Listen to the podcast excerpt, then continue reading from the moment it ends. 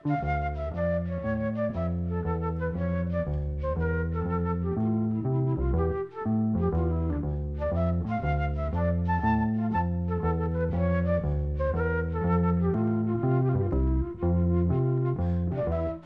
sæl. Hljómsveitin Hollís er viðfánsefni þessa þáttar eins og í síðustu viku. Við skildum við þessa félaga frá Manchester um það leiti þegar bassalegarinn Erik Heidokk hætti að starfa með þeim og fjörðabreiskjuan var nýlega komin út. Þeir fengu bassalegarana Klaus Forman og Jack Bruce til að aðstofa sig. Sá síðanendi spilaði með þeim í læginu After the Fox sem Burt Bacharach og Hal David sömdu fyrir samnenda kvikmynd þar sem Peter Sellers var í aðalhuturki. Sá sem spilar á sembalilæginu er höfundurinn sjálfur Burt Bacharach.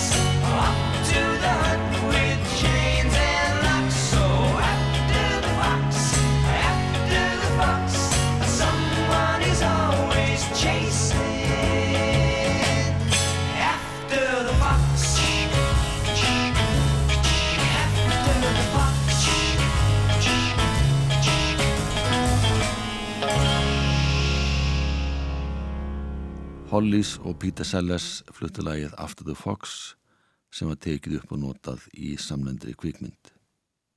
Meðlumur Hollis lítu sér nær þegar næsta smáskíða var í sjónmóli og fengur lag frá hennum unga sveitunga sínum, Graham Goldman.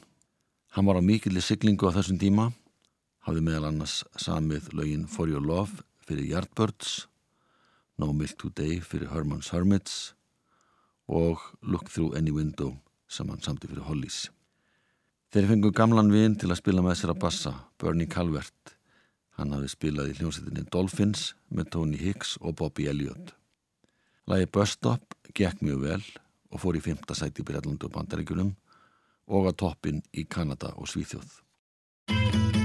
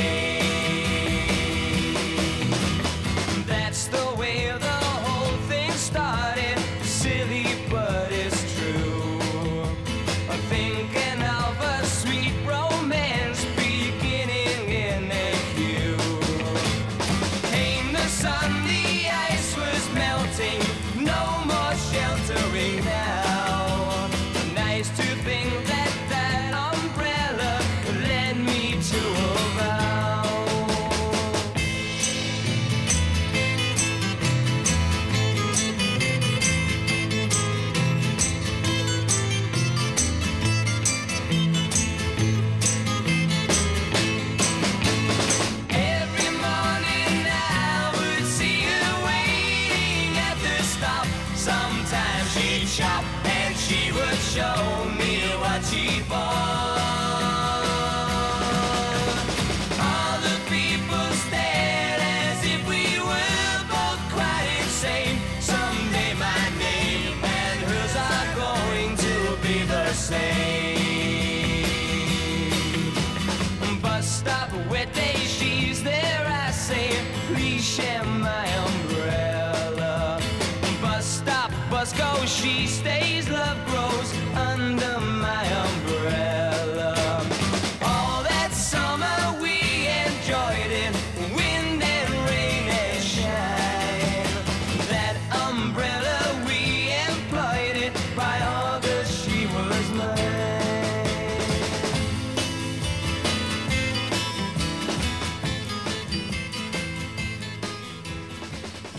Hollies og lagi Bus Stop eftir Graham Goldman rétt liðlega tvítugan strák frá Manchester sem átti ákala auðvelt með það að semja grípandi lög. Meðlemum Hollies gekk hins vegar ekki eins vel að skapa sér sess sem lagasmiðir. Kanski vegna þess að lögin þeirra voru undir allt og miklum áhrifum frá John Lennon og Paul McCartney. Eftir að John Lennon og George Harrison tókst að móðga þá hressilega má segja þeirra við tekið nýja stefni í lagasmiðin sínum og ákveða að fara sína eigin leið. Þetta var þeirra fjórða breyskíðan var í vinslu. Upptökur hófust í september 1965, síðan fóru þeir í hljómleikaferð og tók upp þráðinn sent í februar 66 og kláruðu það sem upp á vandaði. Þeir gerðu sér fara um að semja öðruvísi tónlist en þeir höfðu sami fram að þessu. Þar að meðal er lagið Hard Hard Year sem er skráð höfundaverk Lee Ransford sem var afi Grahams Nass. En í rauninni var þetta lag eftir Graham Nass, gítarleikaran Tony Hicks og söngveran Alan Clark. Bad times,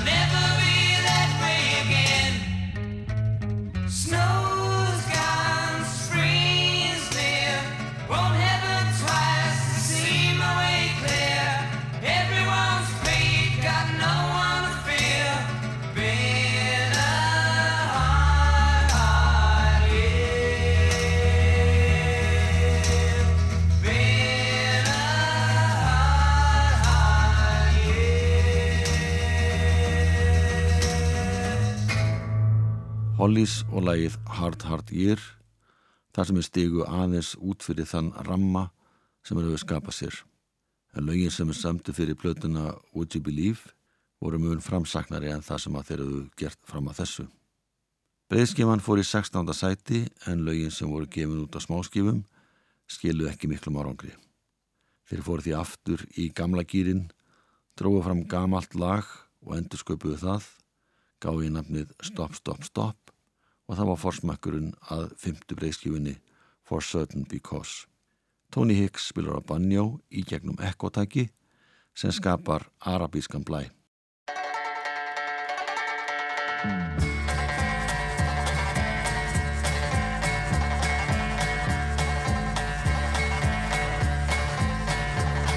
See the girl with symbols on her fingers entering through the door. Ruby glistening from her navel, shimmering around the floor. Bells of beat go ting-a-ling-a-linging, going through my head. Sweaty's falling just like a teardrop's running from her head. Now she dancing, going through the movement, swaying to and fro. Body moving, bringing back a memory, thoughts of long ago. Blood is rushing, temperature is rising, sweating from my brow. Like a snake, her body fascinates me, I can't look away now. Stop, stop, stop all the dancing, give me time to breathe. Stop, stop, stop all the dancing, or I have to leave.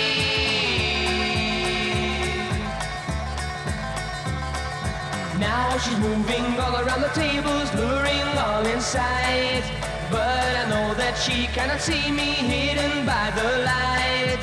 Closer, closer, she's getting nearer, soon she'll be in reach. As I enter into a spotlight, she stands lost for speech. Stop, stop, stop all the dancing, give me time to breathe. Stop, stop, stop all the dancing, or I'll have to leave.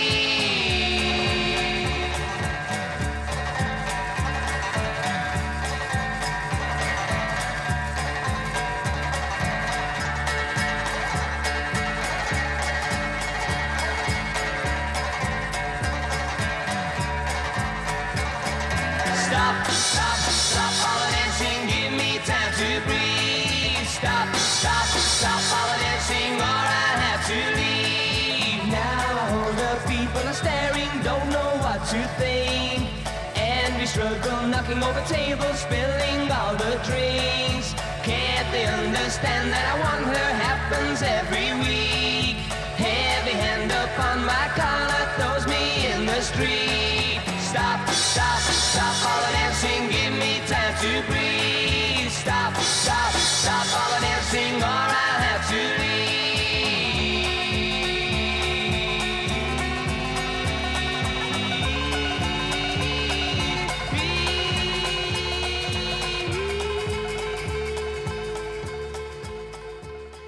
Hollys og lagi Stopp, Stopp, Stopp sem gerði það gott víðast hvar í heiminum.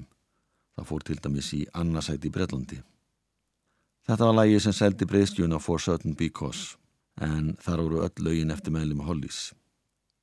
Þessi plata var mun tilvunakendari en fyrir blötu sveitarinnar og þeir prófuðu til dæmis alls konar stílbriði popsins. Þetta heyrist vel í læginu Pay You Back With Interest sem kom út á smáskíu bandaríkjunum en var líka að finna á stóru plötunni.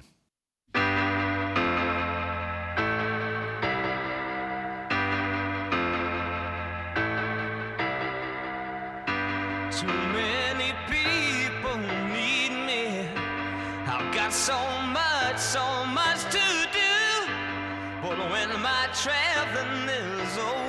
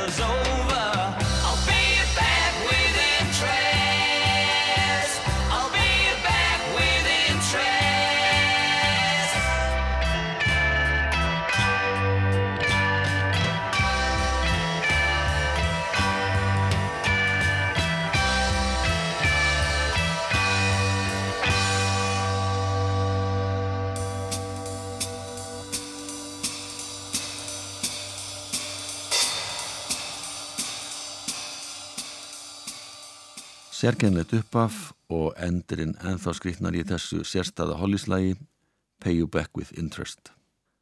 Næsta smáskífulag gerða heldur betur gott víðaskvar en það var On a Carousel sem er eitt besta lag þreiminningana Alans Clark, Graham Nass og Tony Hicks. Þeir veldu ímsum hugmyndum fyrir sér áðinu lagi var til og voru ákveðnir í að semja lag sem geti slegið í gegn. Graham Nass er forsöngvari og var þetta í fyrsta sinn sem hann söng aðarödd á smáskífum og hollís.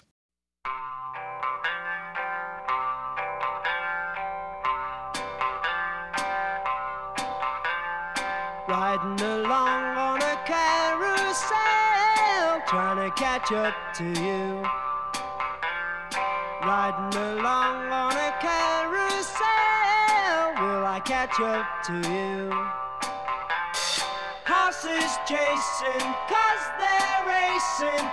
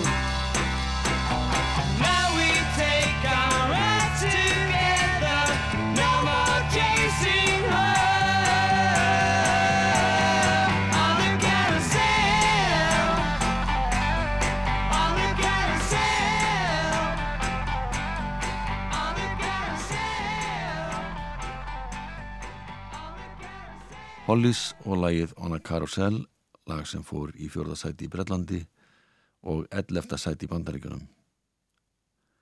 Þeir byrjuðu næsta ára á því að fara til Ítalju, þar sem þeir tóku þátt í San Remo söngvakeppninni og fluttu lag eftir ítalska lagasmiðin Lucio Battisti sem heitir Non prego per me. Quante uomini han vissuto prima che io nascessi?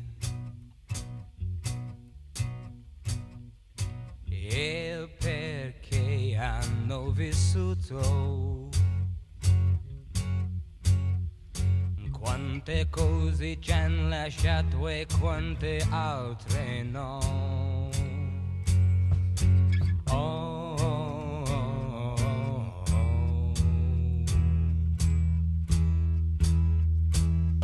venuto il momento di partire per la vita fate quello che potete. Perché io creda in qualche cosa perché io creda in voi. Oh, oh, oh,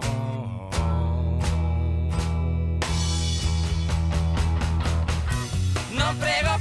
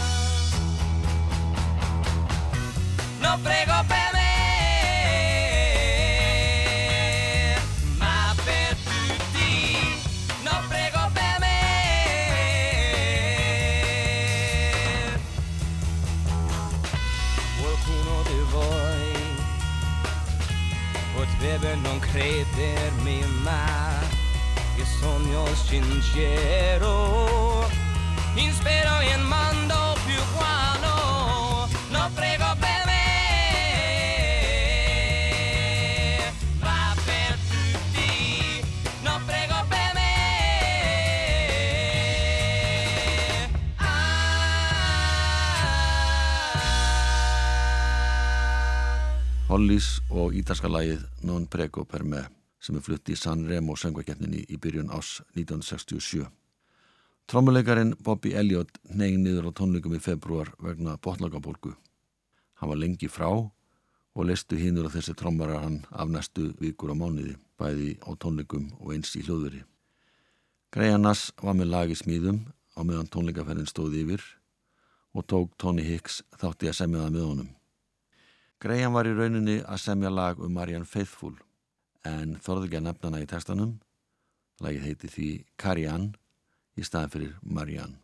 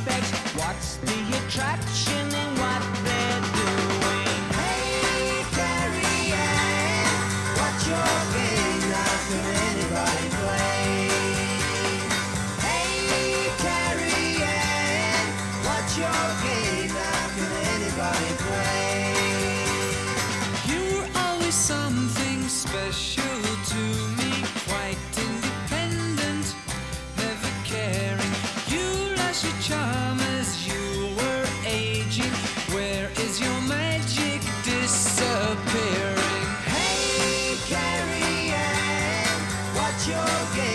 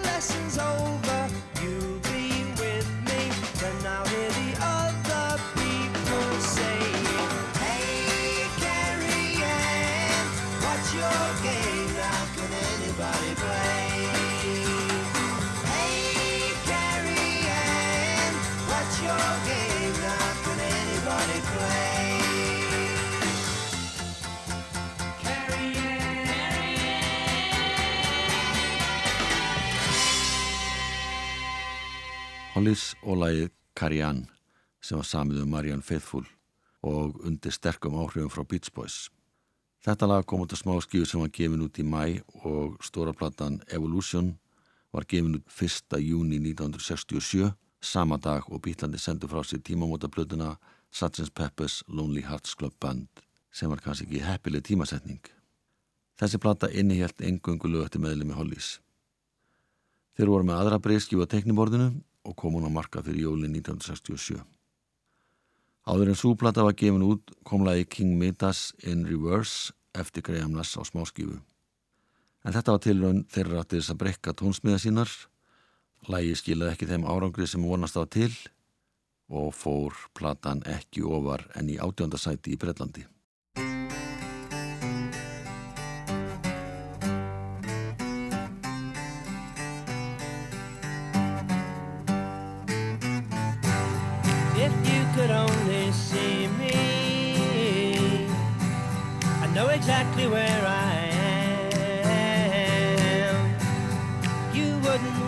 To be me. Oh, I can assure you that I'm not the guy to run with.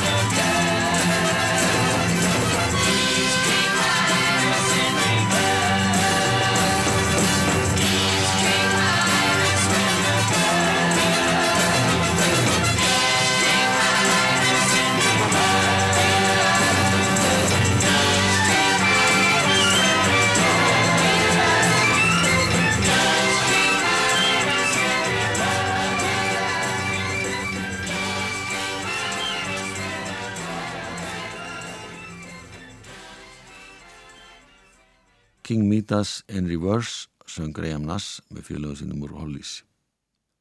Stóra platan Butterfly var mjög metnaðafull og töluvert lagt í vinsluna. Þeir notuðu til dæmi strengjasveit og blásaræn okkur lögum sem voru öll eftir meðlum Hollis.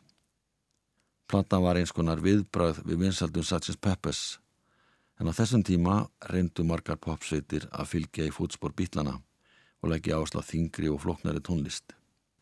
Lægi meikar eftir Graham Nass sínir hvert er voru komnir í pælingum sínum. Þarna meðan annars spilað á indverskar tablatrómur og sítar og alls konar hljóð og taktpælingar í gangi.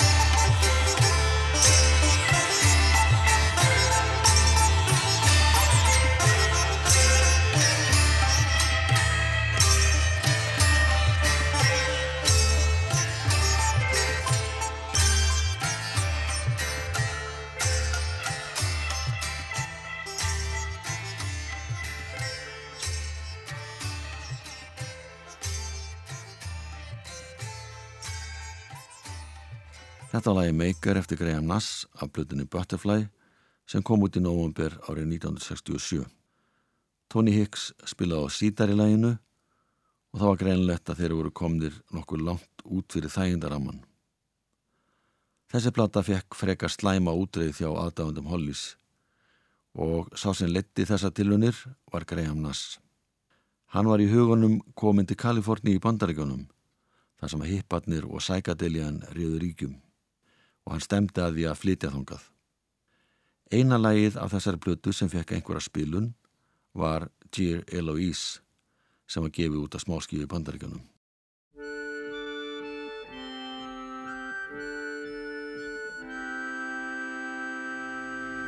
Dear Eloise, I am writing to say a number of funny things I heard today. Left you and run off to sea. Could be the best thing that's happened to me.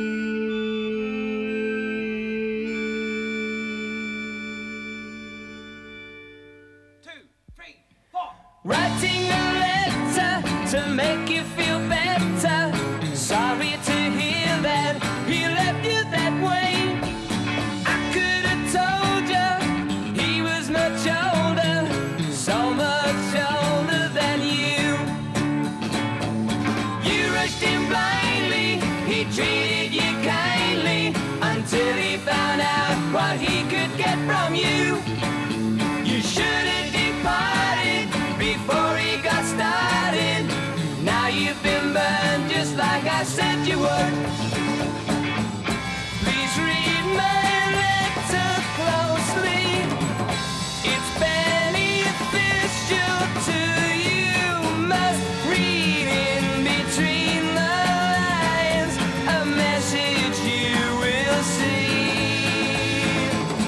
If you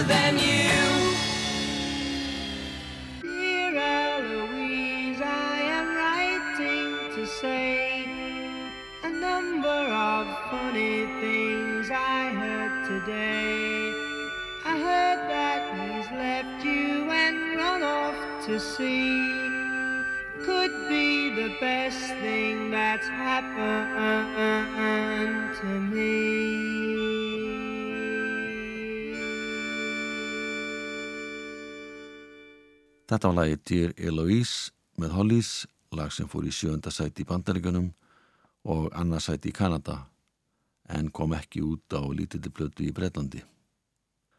Þegar árið 1968 rann upp var ljóst að þeir þurftu að spýta í lóana hefur ætlu að halda vinsaldum. Tony Hicks og Graham Nass sömdi lagi Jennifer Eccles þar sem þeir skeita saman nöfnum eiginkvæna sinna. Kona Tonys hétt Jennifer Bosted og eiginkona Grahams hétt Rose Eccles. Lagi fekk góða viðtökur og fór í sjönda sæti í Brellandi en rétt komst í færtugasta sæti í Bandaríkunum.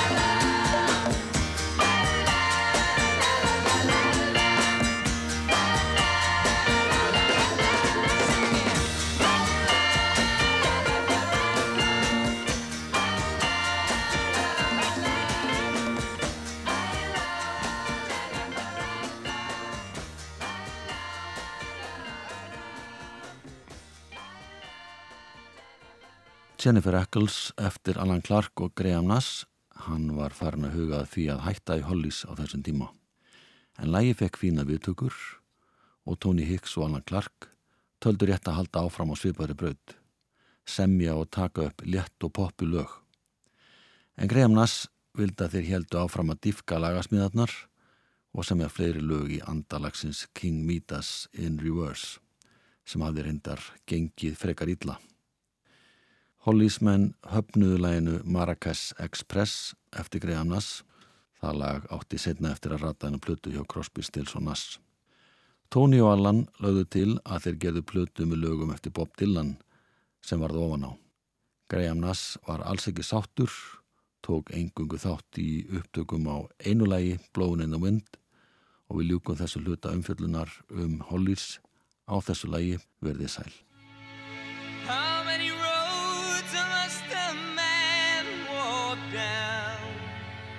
before.